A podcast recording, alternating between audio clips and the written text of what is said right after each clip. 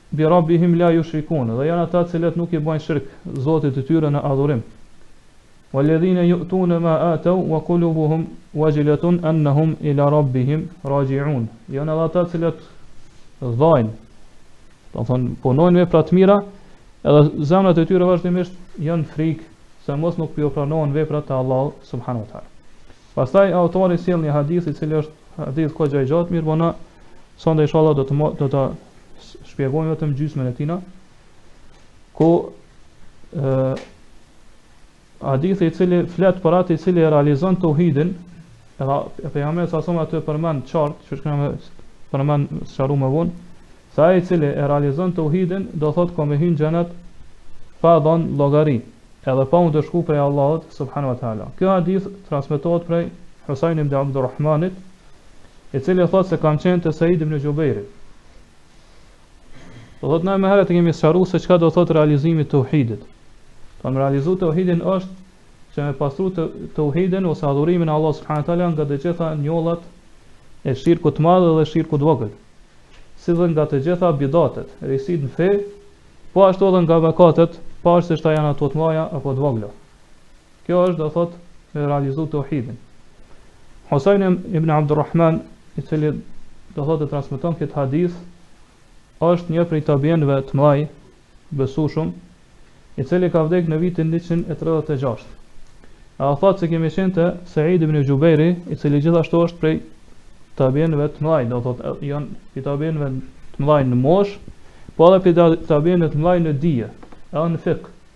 Thotë ka qenë prej dijetarëve të mëdhenj të tabiinëve.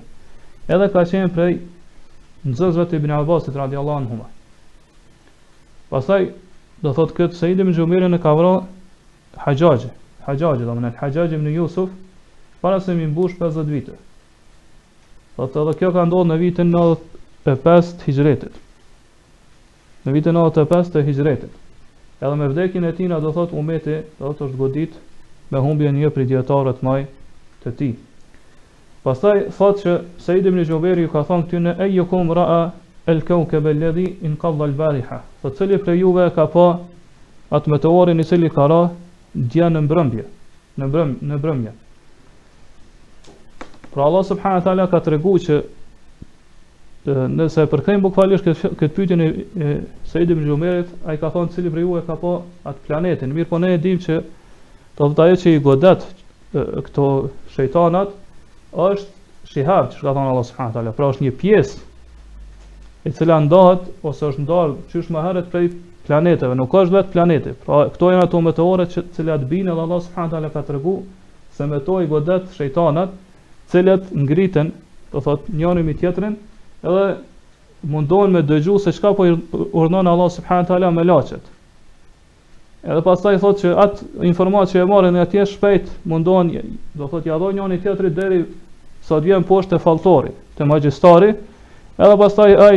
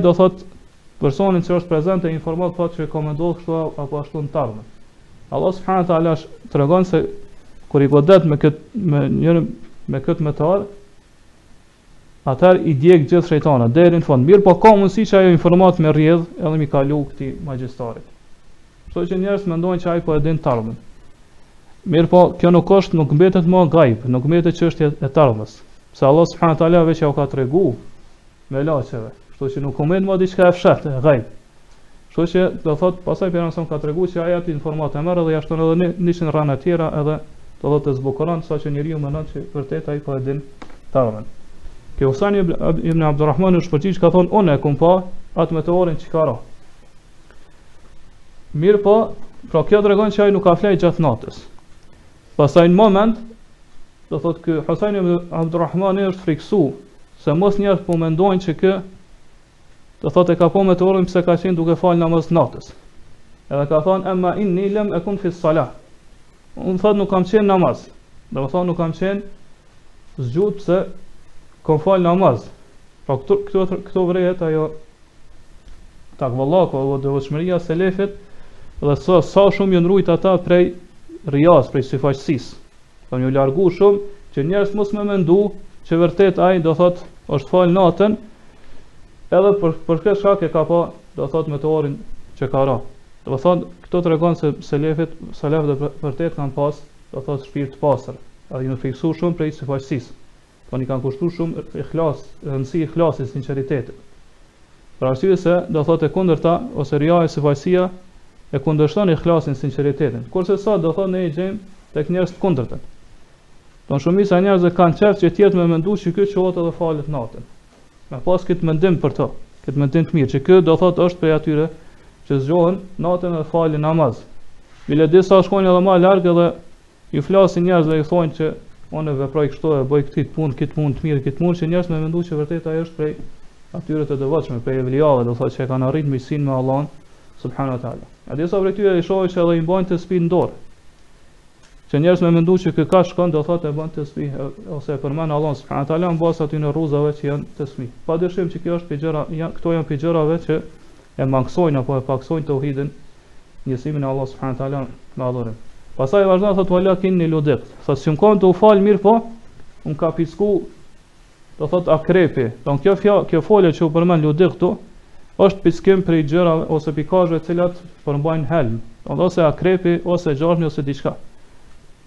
thotë, më ka pisku, do thotë një prej këtyre kafshëve.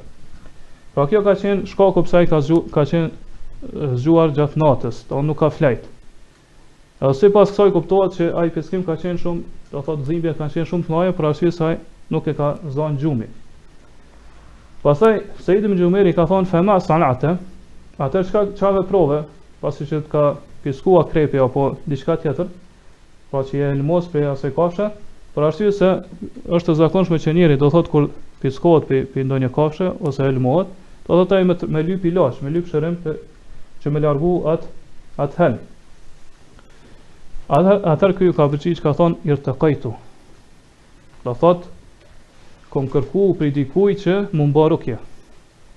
Kam kërku prej dikuj që me m'ba rukje. Do thot me m'ba rukje me Kur'an, me m'lexu Kur'an. Po çka është rukja? Është që atira ati i cili do thot është godit me ndonjë smundje, apo e ka picku ndonjë prej këtyre kafshve helmuse, me i lexu diç prej Kur'anit apo prej lutjeve që janë përmend n'hadithet e pejgamberit sa. Pastaj pas leximit do thot fryhet do thot mes pështymës dhe frymës në atë vendin ku është picku, edhe me lejen e Allah subhanahu wa taala kalon ajo dhimbje dhe shërohet. Do thot kjo, do thot është prej ilaçeve apo shërimeve më më të dobishme, sidomos kur kjo dal ose boron prej prej atij i cili bën rukje, Edhe do thot pi bindjes të atij i cili bën rukje edhe atij që i bëhet rukje. Do të dy do të jenë bindur që Kur'ani edhe lutjet që i po i bëjnë rukje përmes tyne janë dobishme edhe shërohet me lejen e Allahut subhanahu teala prej asaj smundje. Do të këtu ka dobi, do thot është më e dobishme kur dyt janë të bindur. Mirpo nëse njëri prej Prej tyre nuk është i bindur. Lexuesi apo atij që i lexohet, do thotë ai që i bën rukje apo atij që i bëhet rukje, atëherë do të thotë edhe shërimi është është më i mangët. Nuk e arrin qëllimin e tina. Pra Allah subhanahu wa taala këtë Kur'an e ka zbrit shërim për gjitha smundjet. Edhe ato smundje që janë Thotë abstrakte, domethënë që është fjala për sëmundjet e shirkut, nifakut, dyftyrësisë, gjynaheve, mirëpo edhe për sëmundjet shqisore, do të sëmundjet e trupit, sëmundjet fizike. Allah subhanahu wa taala Kur'anin e ka zbrit gjithin shërim, edhe për sëmundjet abstrakte po edhe ato që janë fizike. Për arsye se do thotë Kur'ani është vetë fjala e Allah subhanahu wa taala.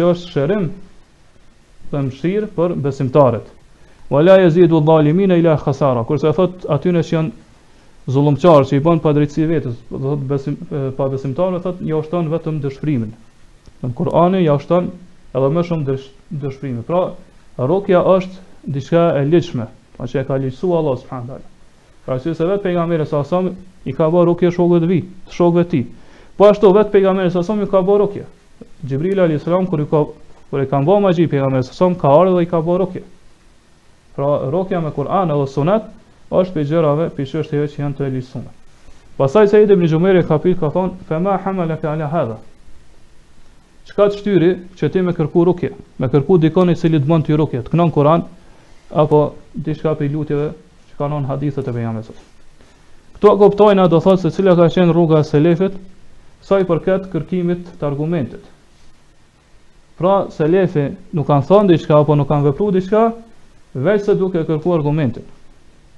Pra, ai i cili vepron diçka apo thot diçka do të me i thonë sjell argument për atë që po e thu, ose për atë që po e vepron. Kush do që thot se kjo mesela apo kjo çështje është ashtu ashtu apo ashtu, atëher do të me kërku argument prej Kur'anit apo prej Sunetit të pejgamberit sa sa. Po kjo ka qenë edebi apo edukata e selefit. Pra ata nuk kanë bo përpara, nuk kanë vepruar diçka, apo nuk kanë thënë diçka pa pas argument prej Kur'anit apo Sunetit të pejgamberit sallallahu alajhi wasallam. Sidomos në çështje që kanë të bëjnë me shërimin. Çështje që kanë të bëjnë me kërkimin e shërimit. Për arsye se do thot shpirti i njeriut është i krijuar në asi soji që kur ka dhimbje apo kur ka smundje, mundohet me gjetë ilaçin qoftë edhe në gjëra që janë ndaluar. qoftë edhe çështje që i ka ndaluar Allahu subhanahu wa taala apo pejgamberi i tij. Prandaj Said ibn Jubair është friksu do thotë ka është friksu për këtë çështje, domethënë çka çka të shtyri ty që me kërku rukje, është kjo e lejume apo nuk është e lejume? A ki argument për këtë që ti ke shku dhe ke kërku rukje prej dikujt që me, me të lexu Kur'an apo e, lutje, do me të bo rukje ty?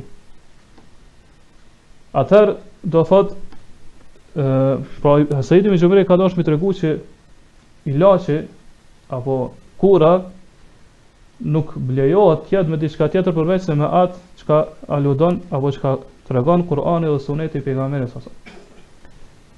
Prej kësaj e kuptojnë se shkuarja te falltort apo te sehirbazat te magjistart që fatkeqësisht populli jonë i quan hoxhallar, është çështje e ndaluar. Bile është do thotë Prej gjërave që munden me çu në shirk të madh, e njeriun do thotë me largu krejt prej Islamit, do thotë me nxjerr prej Islamit, edhe do thotë si person më mos mos me konsideru prej umetit pejgamberit sa sa. Sidomos nëse do thotë ai sihirbazi apo falltori, do thotë e këshillon njerin që me pre diçka për hir të xhinit, apo me kërku do thotë ndihmë prej xhinëve, prej shejtanave, apo me lut dikon tjetër përveç Allahut subhanahu wa taala.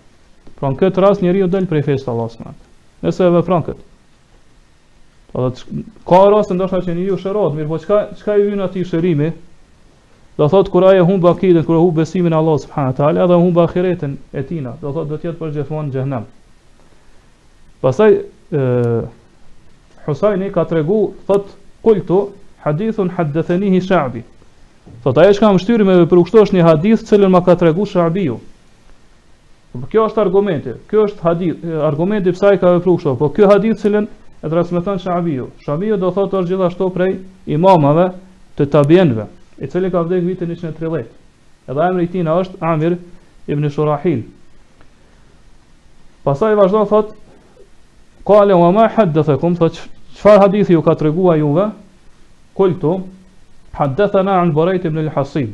Thot na ka tregu hadithin prej Burejd ibn al-Hasibi, i cili është prej shokëve të pejgamberit sa. I cili ka vdekur në vitin 63 të, të Hijretit. Pra ky Shabi është tabiin, edhe po transmeton prej do thot prej e, shokut pejgamberit sa. Edhe ka thon la rukjete illa ain illa an ainin au huma.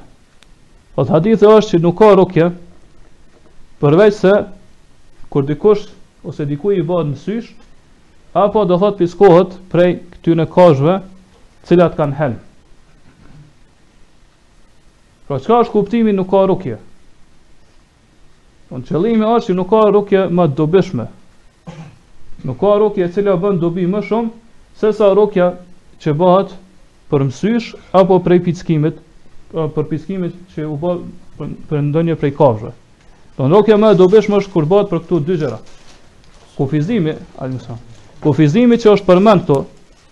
Po nuk ka rukje, nuk është, do thotë është kufizim relativ. Nuk ka qëllimi që nuk lejohet me bo rukje në diçka tjetër. Edhe pse këta kanë pas këtë mendim disa prej dijetarëve, mirëpo është mendim jo i saktë. Po mendimi më i saktë është që qëllimi është që nuk ka rukje më të dobishme. Nuk ka rukje, do thotë që ka efekt më të dobishëm se sa kur bëhet për këto dy gjëra, për mësysh apo kur pickohesh prej ndonjë prej ndonjë prej kafshve që kanë që kanë helm. Njëjtë është kur pejgamberi sa son ka thonë La riba illa fi nesia, nuk ka riba, s'ka kamat përveç se në nesia. Do nesia është ajo kamate që është e njohur te njerëzit. Pra me ia dhon do pare, pastaj pas një kohë me ia kërku ato pare plus shtesë. Kjo është nesia. Mirëpo na e dimë që ka kamat edhe në vlerë. Do nuk lejohet Ka gjëra që nuk lejohet me ndrru malin e njëjt, mirëpo me vlerë më të madhe. Për shembull, me ia dhon disa gram ari, me ia marr më shumë gram ari. Do kjo është ribaja që është riba al-fadl, ribaja në vlerë. Kamata në vlerë, dhe kjo nuk është e lejume, dhe kjo është kamatë. Prandaj do thotë qëllimi i pejgamberit savs kur ka thonë nuk ka kamat përveç se nesie, qëllimi që ka nuk është që nuk ka kamat më me mëkat më të madh. Që do thotë që peshon ma rënd në peshorën e mëkateve se sa kamata që ka që është nesie, do thotë ajo që u kanë e njohur prej xhahilijetit, prej injorancës, e që vazhdon te ca njerëz ende. Do thotë, ja jep një pjesë pareve, ai ta kthen, do thotë, me, ose i kërkon, ja kushtëzon që me ta kthy me, me një pjesë shtesë. Kjo është kamata nesie, mirëpo ka kamata edhe në vlerë. Ose për shembull me ia dhon një kil hurma, me t'i dhon 2 kg hurma. Apo me ia dhon 1 kg hurma më më të mira, cilësisë më të mirë, e me t'i dhon 2 kg hurma të cilësisë më më të keqe. Don kjo është kamat, don kamata në vlerë, kjo nuk është e lejume. Prandaj nuk ka qenë qëllimi pejgamberit savs me kufizu që kamata është veç nesia.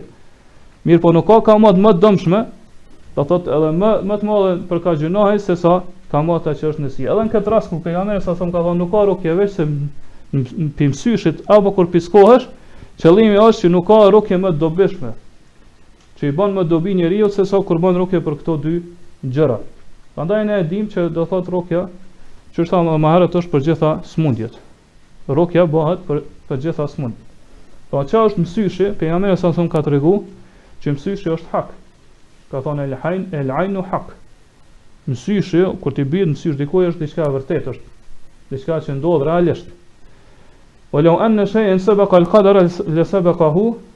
Lesebekat-hu el-ajn, thotë sikur të kish pas ndonjë gjë që ja tejkalon kaderit, atëherë ja kish tejkalu msyshi. Po asgjë nuk mundet me me me, me dal para kaderit, mirëpo sikur të kish pas atëherë kish qenë kjo kish me qenë msyshi. Prandaj msyshi është, do thotë ai syri i keq që del prej një prej ndonjë njeriu, apo që është e quajn dijetarët që ka njerëz, se do thotë e kanë shikimin e helmum, Po shpirti i tyne ose vetja e tyne është do thotë ai është e, shpirti i keq. Edhe kur të sheh diçka që ka hased ndaj tina, ka hased, xhelozon apo ka zili, apo ndoshta edhe e lakmon, atëherë shpirti i tina do thotë vepron në formë të veçantë të cilën e din vetëm Allah subhanahu wa taala, Edhe pastaj përmes shikimit tina dalin gjëra të cilat ndikojnë te atij që i që do thotë e shikon për të cilën ka zili apo e lakmon. Kjo është do thotë prej gjërave t'çuditshme të krijimit të Allahut subhanahu wa taala, edhe gjithashtu tregon për fuqinë, forcën e Allahut subhanahu wa taala që i ka kriju këto këto gjëra, do këto krijesa. E prej tyre është edhe do thotë ata shpirta të cilët ju bijnë msysh tjerëve.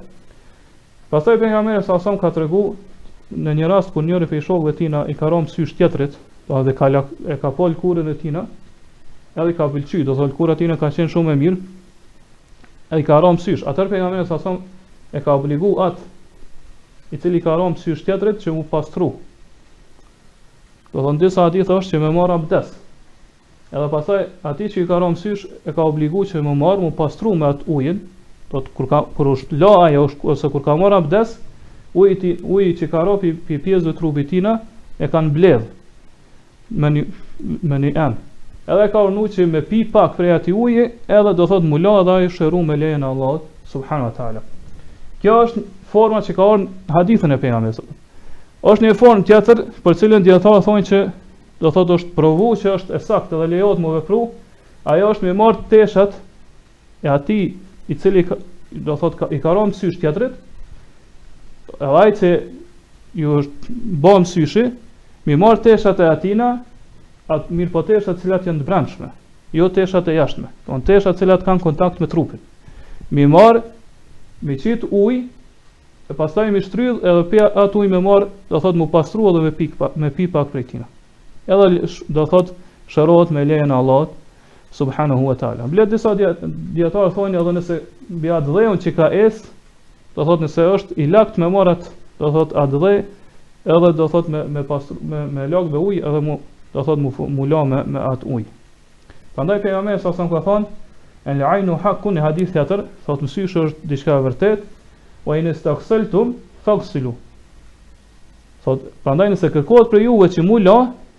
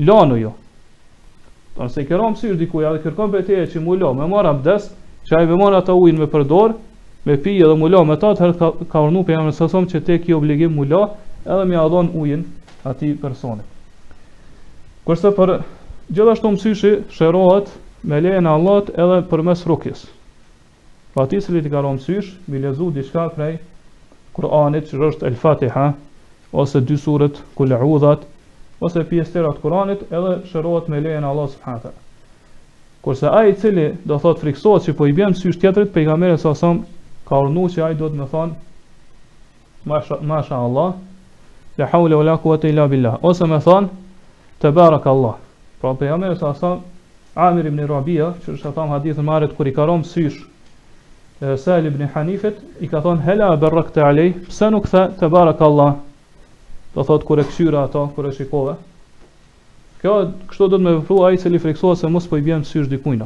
Me thon masha Allah la hawla wala quwata illa billah ose me thon tebarak Allah ose masha Allah tebarak Allah kështu me radhë. Cilëndo që ta thot është e lejuar. Pastaj pejgamberi sa son ka treguar që gjithashtu rukja është e dobishme edhe për huma, do thot për kur dikush pickohet prej donjë kafshë e cila ka helm. Edhe kjo është do thot ajo pjesa e hadithit me cilën ka ka argumentuar Husain ibn Abdulrahmani kur e ka pyet Said ibn Jubairi çka të shtyri ty do thot me bo rukje thot hadithin që na transmeton ë ky Burejde ku pejgamberi sa sa ka thonë nuk ka mësyshe nuk ka rukje përveç se pi mësyshit apo prej humas prej pickimit gjithashtu argument për kët pjesë të hadithit është edhe hadithi që transmeton Buhari Do thotë është i njohur ku pejgamberi sa sa ka dërgu, i ka dërgu disa pi shokëve tina, do të thotë me atë njësin ushtarake, për, do të thotë me, me, me vëzhgu armikun. Edhe gjatë udhëtimit do thotë kanë shku te një fis dhe kanë kërku që ata me ju bo konak. Mirëpo ata s'kanë pranu. Ndërkohë, do thotë të të parin e atij fisit, e ka picku akrepi. Edhe kanë thënë ata mos kanë që ata persona që na lypën lypën konak, që kërkun konak për neve, mos kanë ndonjë ndonjë që bon rukje. Edhe kanë ardhur te shokët e pejgamberit sa son, kanë thënë po na ju bojna rukje mirëpo me kusht që me na dhon diçka shpërblim. Disa dele prej deleve që i kanë ata. Edhe kanë pranuar ata.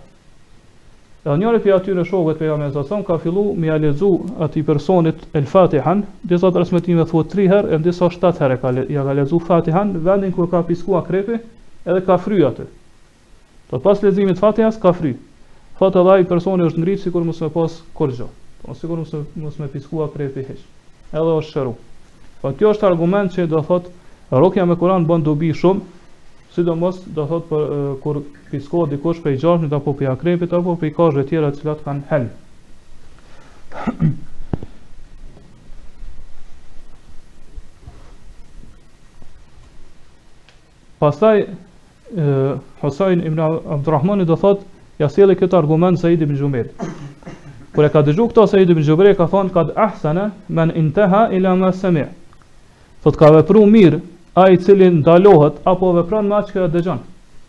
Dhe dhe ka lavdru Husajnin që do thotë atë hadith që ka dëgju me ato ka vepru. Po kjo ka qenë do thotë ajo tregon atë vlerën e selefit, të cilët kanë vepru me dijen që e kanë pas. Po ky e ka lavdru që po ka, ka punu me dije.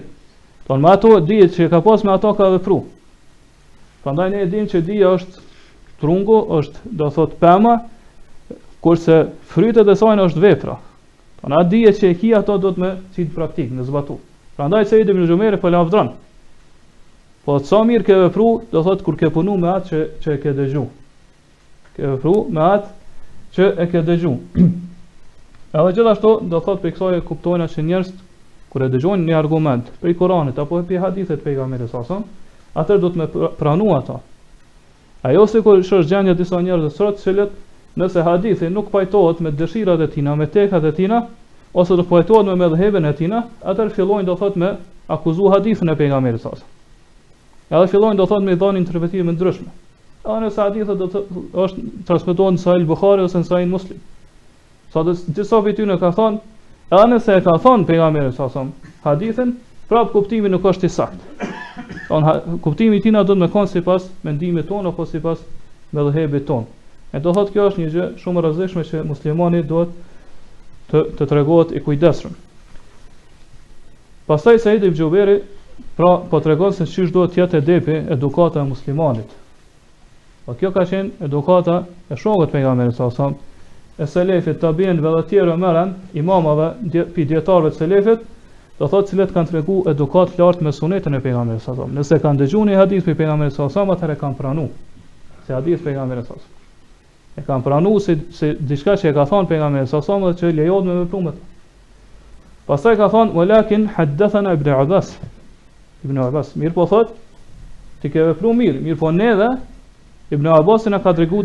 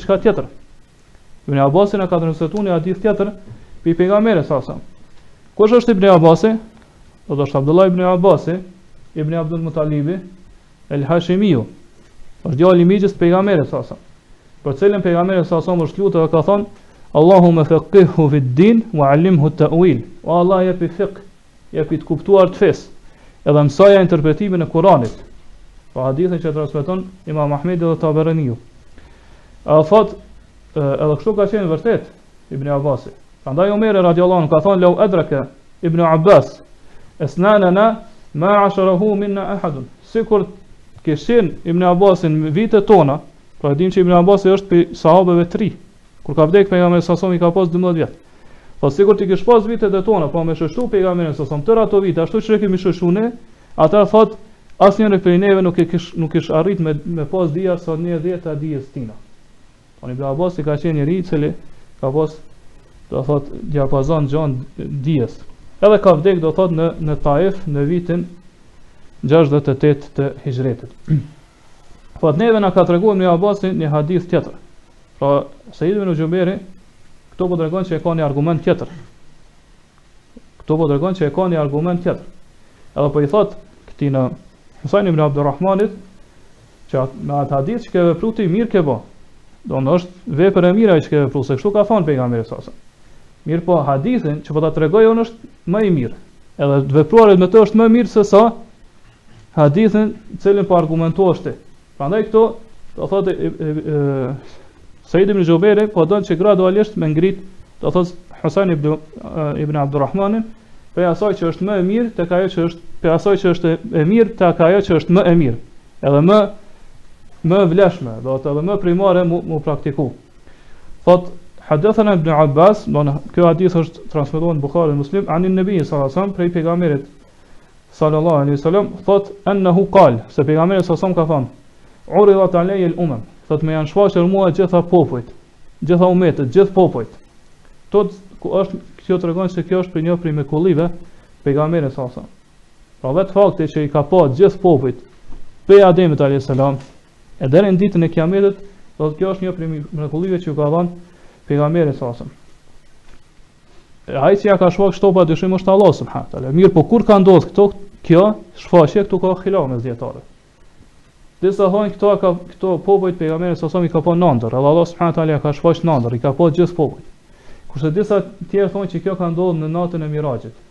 Edhe kjo është, do thotë mendim më i fortë, për arsye se kështu është transmetuar te Tirmidhiu dhe te Nesaiu.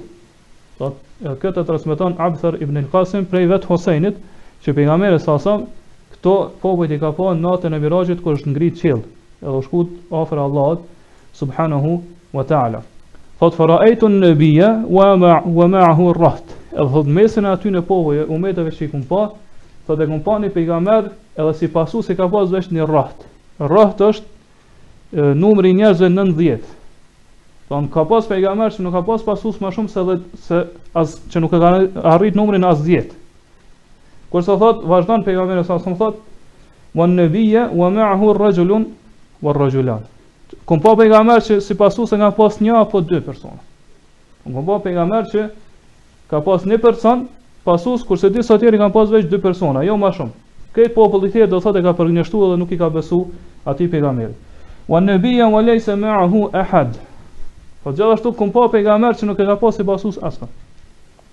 Po ka qenë i vetëm.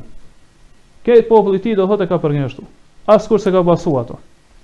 Po Allah subhanahu wa taala pse ka dërgu atë, ka dërgu që me ngrit argumentin kundër atyne, popullit tina. Që pastaj ata mos me pas arsye kur dalin para Allah subhanahu wa taala, me thonë Allah nuk na ka ardhë argumenti. Mirëpo ka pas raste që asnjë prej njerëzve nuk e ka pasu Pejgamberin që ju ka dërguar atij populli, asnjë prej pjesëtarëve të atij mileti apo të atij ummeti. Kjo tregon se muslimani nuk duhet me argumentu me shumicë. E thonë ka do shumica është e vërteta.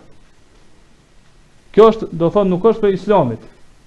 Po njeriu duhet me argumentu me atë që është në hak. Ai i cili ka argumentin me vete. Edhe nëse janë njerëz pak, edhe nëse është vetëm një person.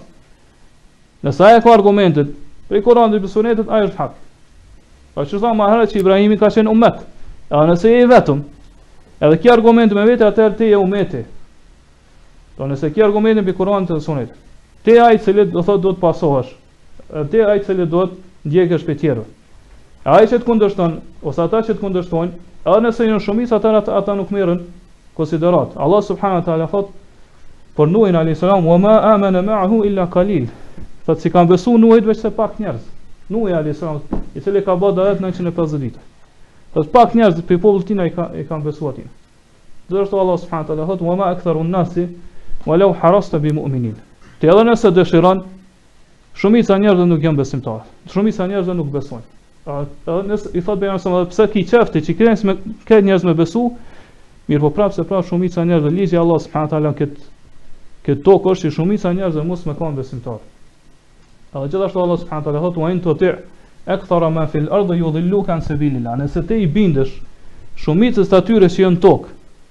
Por shumicës njerëzve ata të humbin prej rrugës drejt.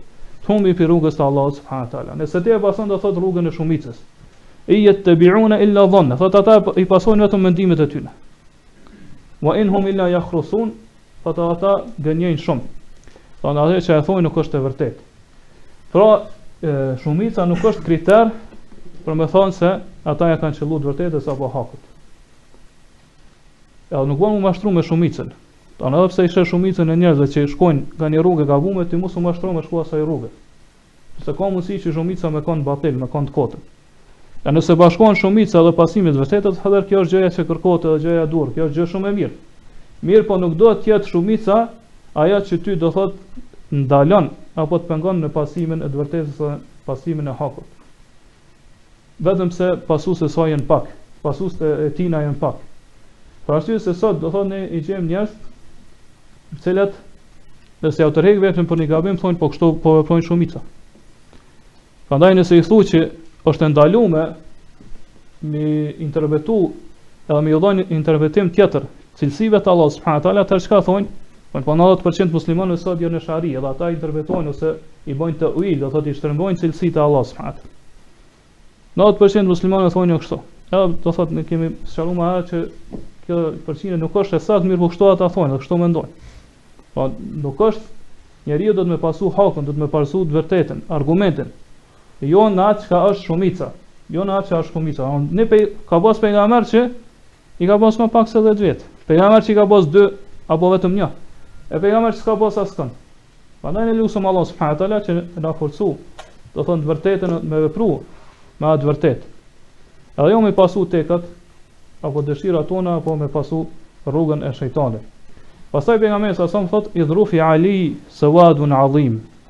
Tha derisa kam qenë këtë gjendje duke duke i pa ata pejgamber thot një moment i kam pa një një ngjyrë të zezë të madhe. Don sawadun ngjyrë e zezë. E po qëllimi këtu është personat i kam. Kam pa objekte shumë thot.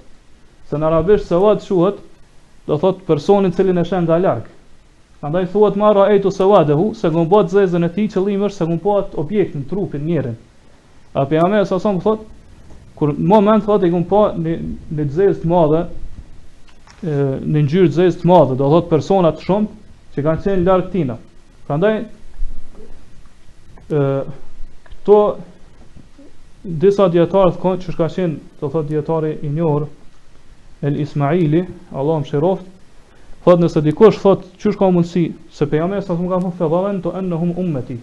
Kam mendu që ata janë umeti im.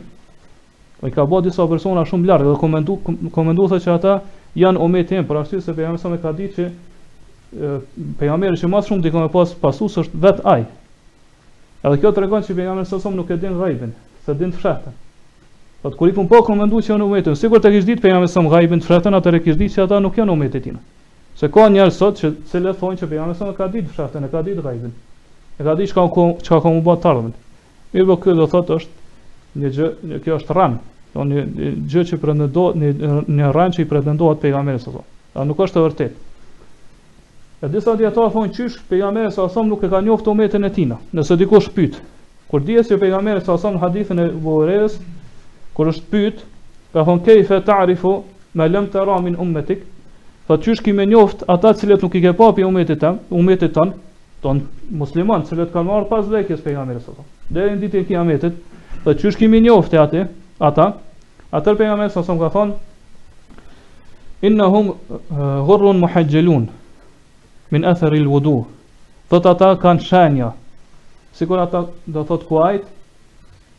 cilët kanë shenja në fytyrë dhe në kam, dhe që dallohen prej tufës të kuajve krejt. Thot unë ashtu e dalloj umetin tem prej shenjave të abdesit. Thot ata atyne kanë ju bo, shenjat e abdesit kanë ju bo dritë. E pejgamberi sa sëm ka me njoftë umetin e tina, edhe pse s'i ka pa, domethënë pas vdekjes tina. Atër këtu pejgamberi sa po thot kam mendu që janë umeti jem. Do të qysh nuk e pa pejgamberi, qysh nuk e njofti pejgamberi sa sa ata. Atër dietarët kanë thonë që pejgamberi sa sa këtu ka tregu që nuk i ka pa për arsye se ata ka, nuk i ka njoft për arsye se ata i kanë qenë larg. E na thonë që fjala sawad arabisht e zez quhet për persona të cilat i sheh larg dhe nuk mundesh me dallu kush është ai. Prandaj pejgamberi sa sa për këtë arsye ka menduar që janë umeti i tina, edhe nuk i ka njoft. Do të nuk ka nuk, nuk i ka dallu, a i kanë shenjat e abdesit apo jo. Atër ka thonë fe qile li hadha Musa wa qawmuhu. Edhe thot pejgamberi sa më është thënë mua që kjo është Musa edhe populli i tina. Po këtu kjo tregon se vlerën e Musa alayhis salam, i cili është kelimullah, pra atë i cili i ka folë Allah subhanahu wa taala. Dhe kjo tregon që Musën e kanë pasu një numër i madh i popullit tina. Pra e kanë besu dhe kanë pasu ato. Pra Musa alejhi selam është pejgamberi që është pas është pasu më shumti prej popullit të tij pas pejgamberit, pas Muhamedit sallallahu alaihi wasallam. Kjo tregon vlerën e madhe të Musës. Pastaj thot fa nadartu fa idha sawadun azim. Pastaj thot kam shiku në anë tjetër dhe kam pa gjithashtu një zezë edhe më të madhe.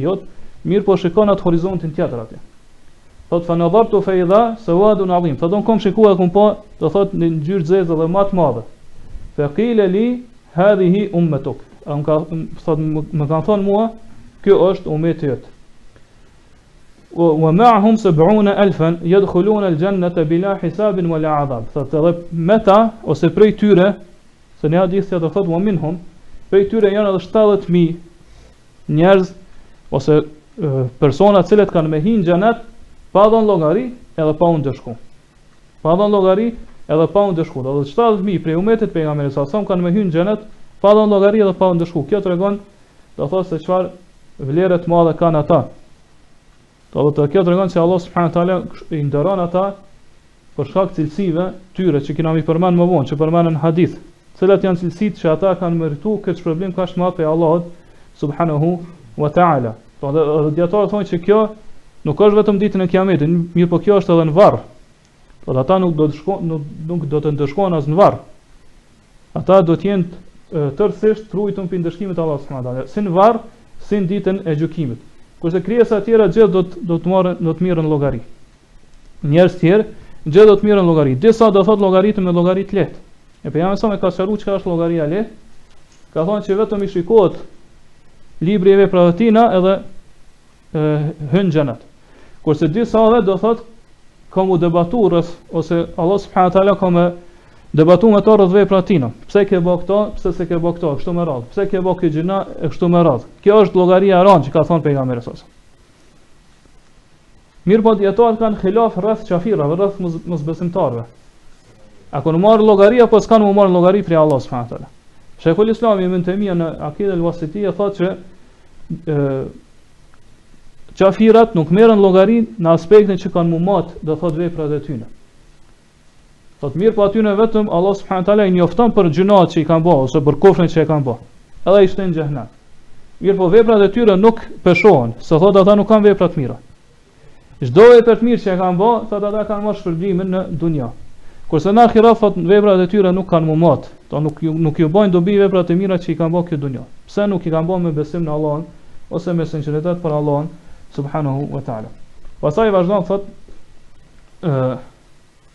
Po, para se me kalu, do në pjesën tjetër t'hadithit, ka ardhë disa hadithe pe, në sahihajn, pe, do në Sahih Bukhari, Muslim, pe Ebu Hurejres, që pejgamberi sa sam i ka përshkru këta 70.000 që do të hynë n'xhenet, pa dhon llogari, edhe pa u ndëshku. Edhe ka thonë se ata, tudiu vuxhuhuhum idaetel kameri lejletel bedr. Thot, ftyrat e tyre do të shkëlqejnë, ashtu siç shkëlqen hana në ditën e bedrit, do thot, kur është hana 15, që kur është, në, kur është e plotë tërsisht.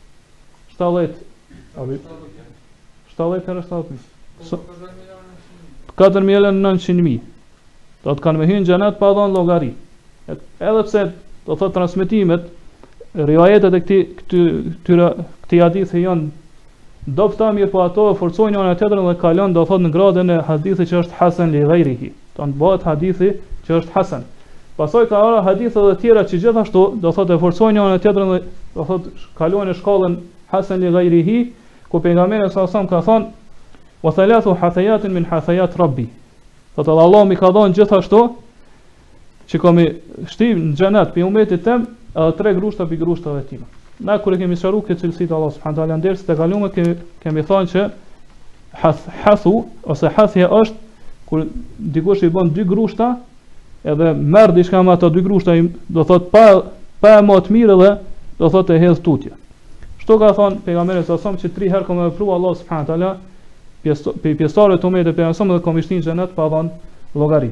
Pastaj vazhdon thot thumma nahadha. Pastaj është ngrit pejgamberi sa sam dakhala manzilahu edhe ka hyn n'shtëpinë e tina pa i treguar shokëve të tij se kush janë këta 70000 se do të kanë me hyn n'xhenet pa dhën llogari edhe pa u ndëshku prej Allahu subhanahu wa taala.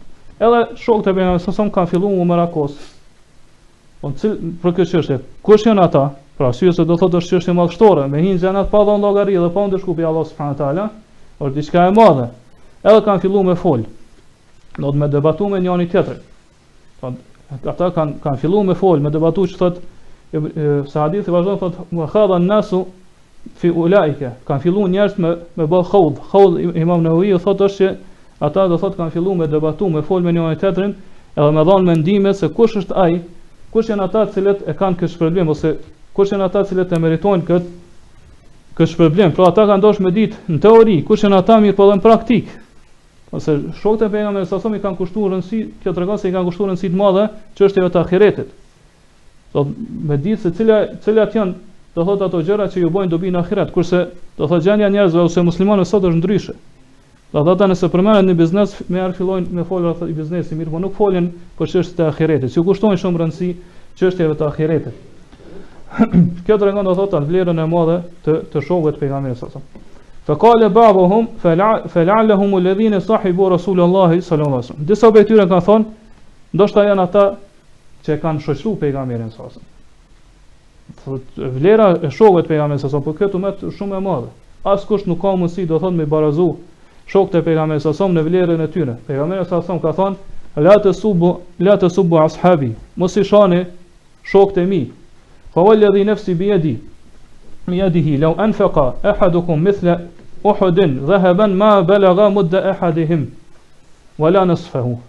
Thot se për atë në dorën e t'cilit është shpirti. Sikur dikush prej juve me dhon sadaka. Ari, sa është Uhudi, kodra Uhudi thot nuk keni me mujt me arrit, me arrit shpërblimin e ndonjërit prej shokëve t'pejgamberit sa sa në sa e kish dhon do thot një grusht apo gjysmën e tina Ari sadaka. Domthon kjo tregon vlerën e madhe t'shokëve t'pejgamberit sa sa për arsye se do thotë ata janë më të mirë e këtij umeti. Pse janë më të mirë? Sepse ata do thotë janë që Allah subhanahu teala i ka zgjedh me shoqëru pejgamberin sa sa. Janë të parë të cilët do thotë na kanë prirë neve në në Islam. E kanë shoqëru pejgamberin sa sa në çdo gjendje, në luftë,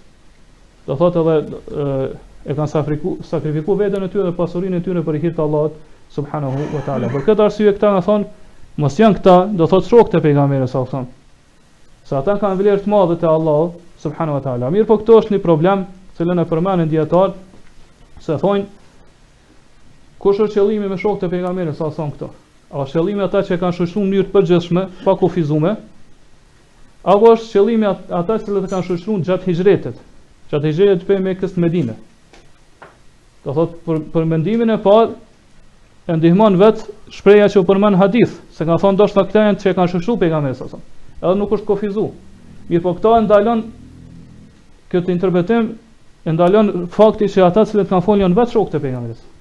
Andaj ata kishin mujt me thon, ndoshta jemi ne, se ata janë shokët e pejgamberit. Mirë po nuk kanë thon këto. Atëherë kuptohet se qëllimi është që ata mund të jenë do thot ata që kanë shoqëru pejgamberin sa som gjatë hijretit. Për arsye se vet pejgamberi sa som Khalid ibn Walidit kur ka hyrë n'Islam ka thon la tesubu as'habi, mos i shani shokët e mi. A Khalid ibn Walidi është prej shokëve t'pejgamberit sa som. Mirë po qëllimi qëllimi që është mos i shani shokët e mi, thotë që më kanë shoqëruar mua gjatë hijretit.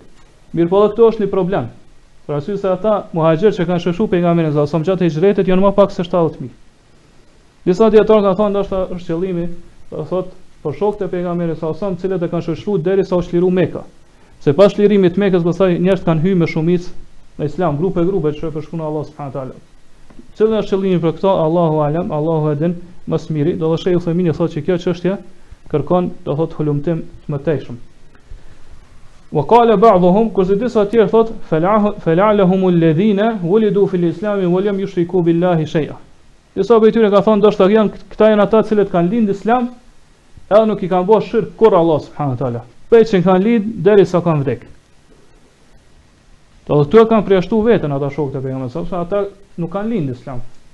Do të kanë lindë do të thonë me me me prind mushrik e pastaj kanë hy në islam. Do të gjatë jetës i kanë bo shirk Allahut subhanahu wa taala. Pra qëllimi është ata që kanë lindë pas pasi që u dërgu pejgamberi sa sa si pejgamber edhe kanë mbetë në natyrshmëri në fitrën e tyre të vërtetë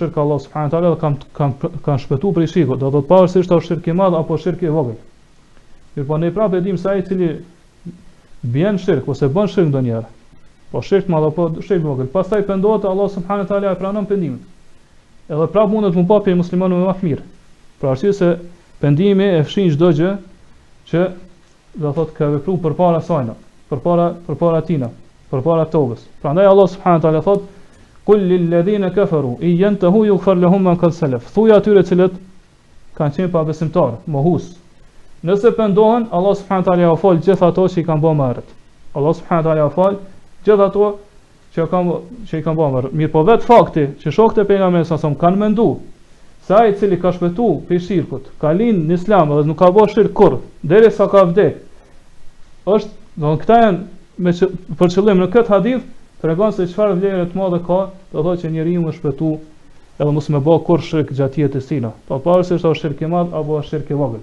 Gjithashtu këtu kuptojna se njeriu duhet mi kushtu rëndësi fëmijëve të tina.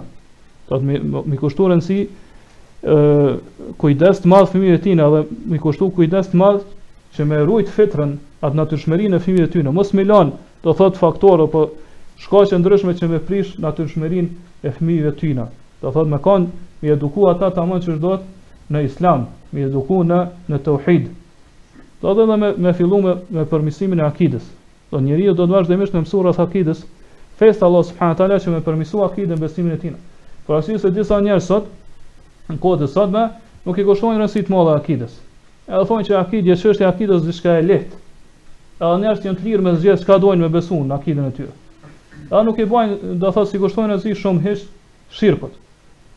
Don këto janë gjëra të cilat do thotë ë po janë mendimet e atyne të cilat do thotë nuk i kushtojnë rëndësi thirrjes në tauhidin e Allah subhanahu wa taala, gjithashtu nuk i kushtojnë rëndësi për largimin prej shirkut edhe për mësimin e akidës.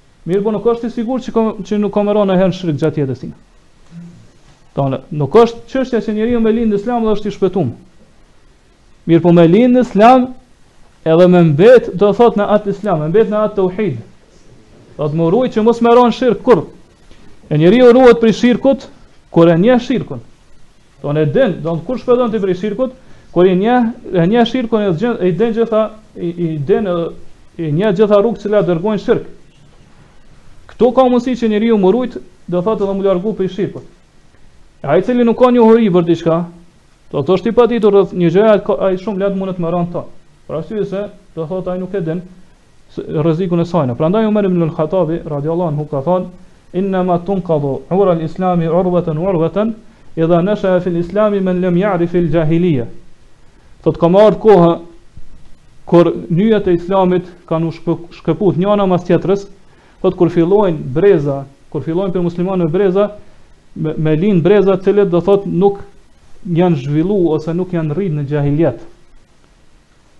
Thotë janë lindë islam dhe nuk e ka njohë gjahiljetin. Nuk e ka njohë shirkun. Prandaj këto tregon se çfarë rëndësie ka që njeriu me njohë shirkun, m'u rujtë, mos me ra në shirk. Thotë me di çka shirku, cilat janë rrugë që dërgojnë shirk, pa është ai madh apo i vogël, edhe m'u rujtë prej tina.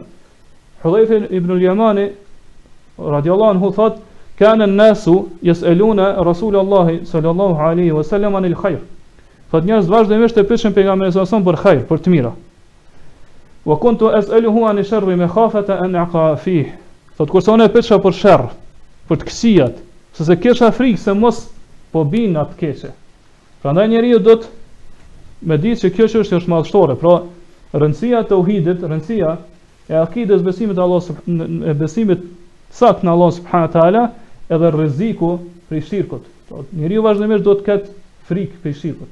Mos po bën shirk.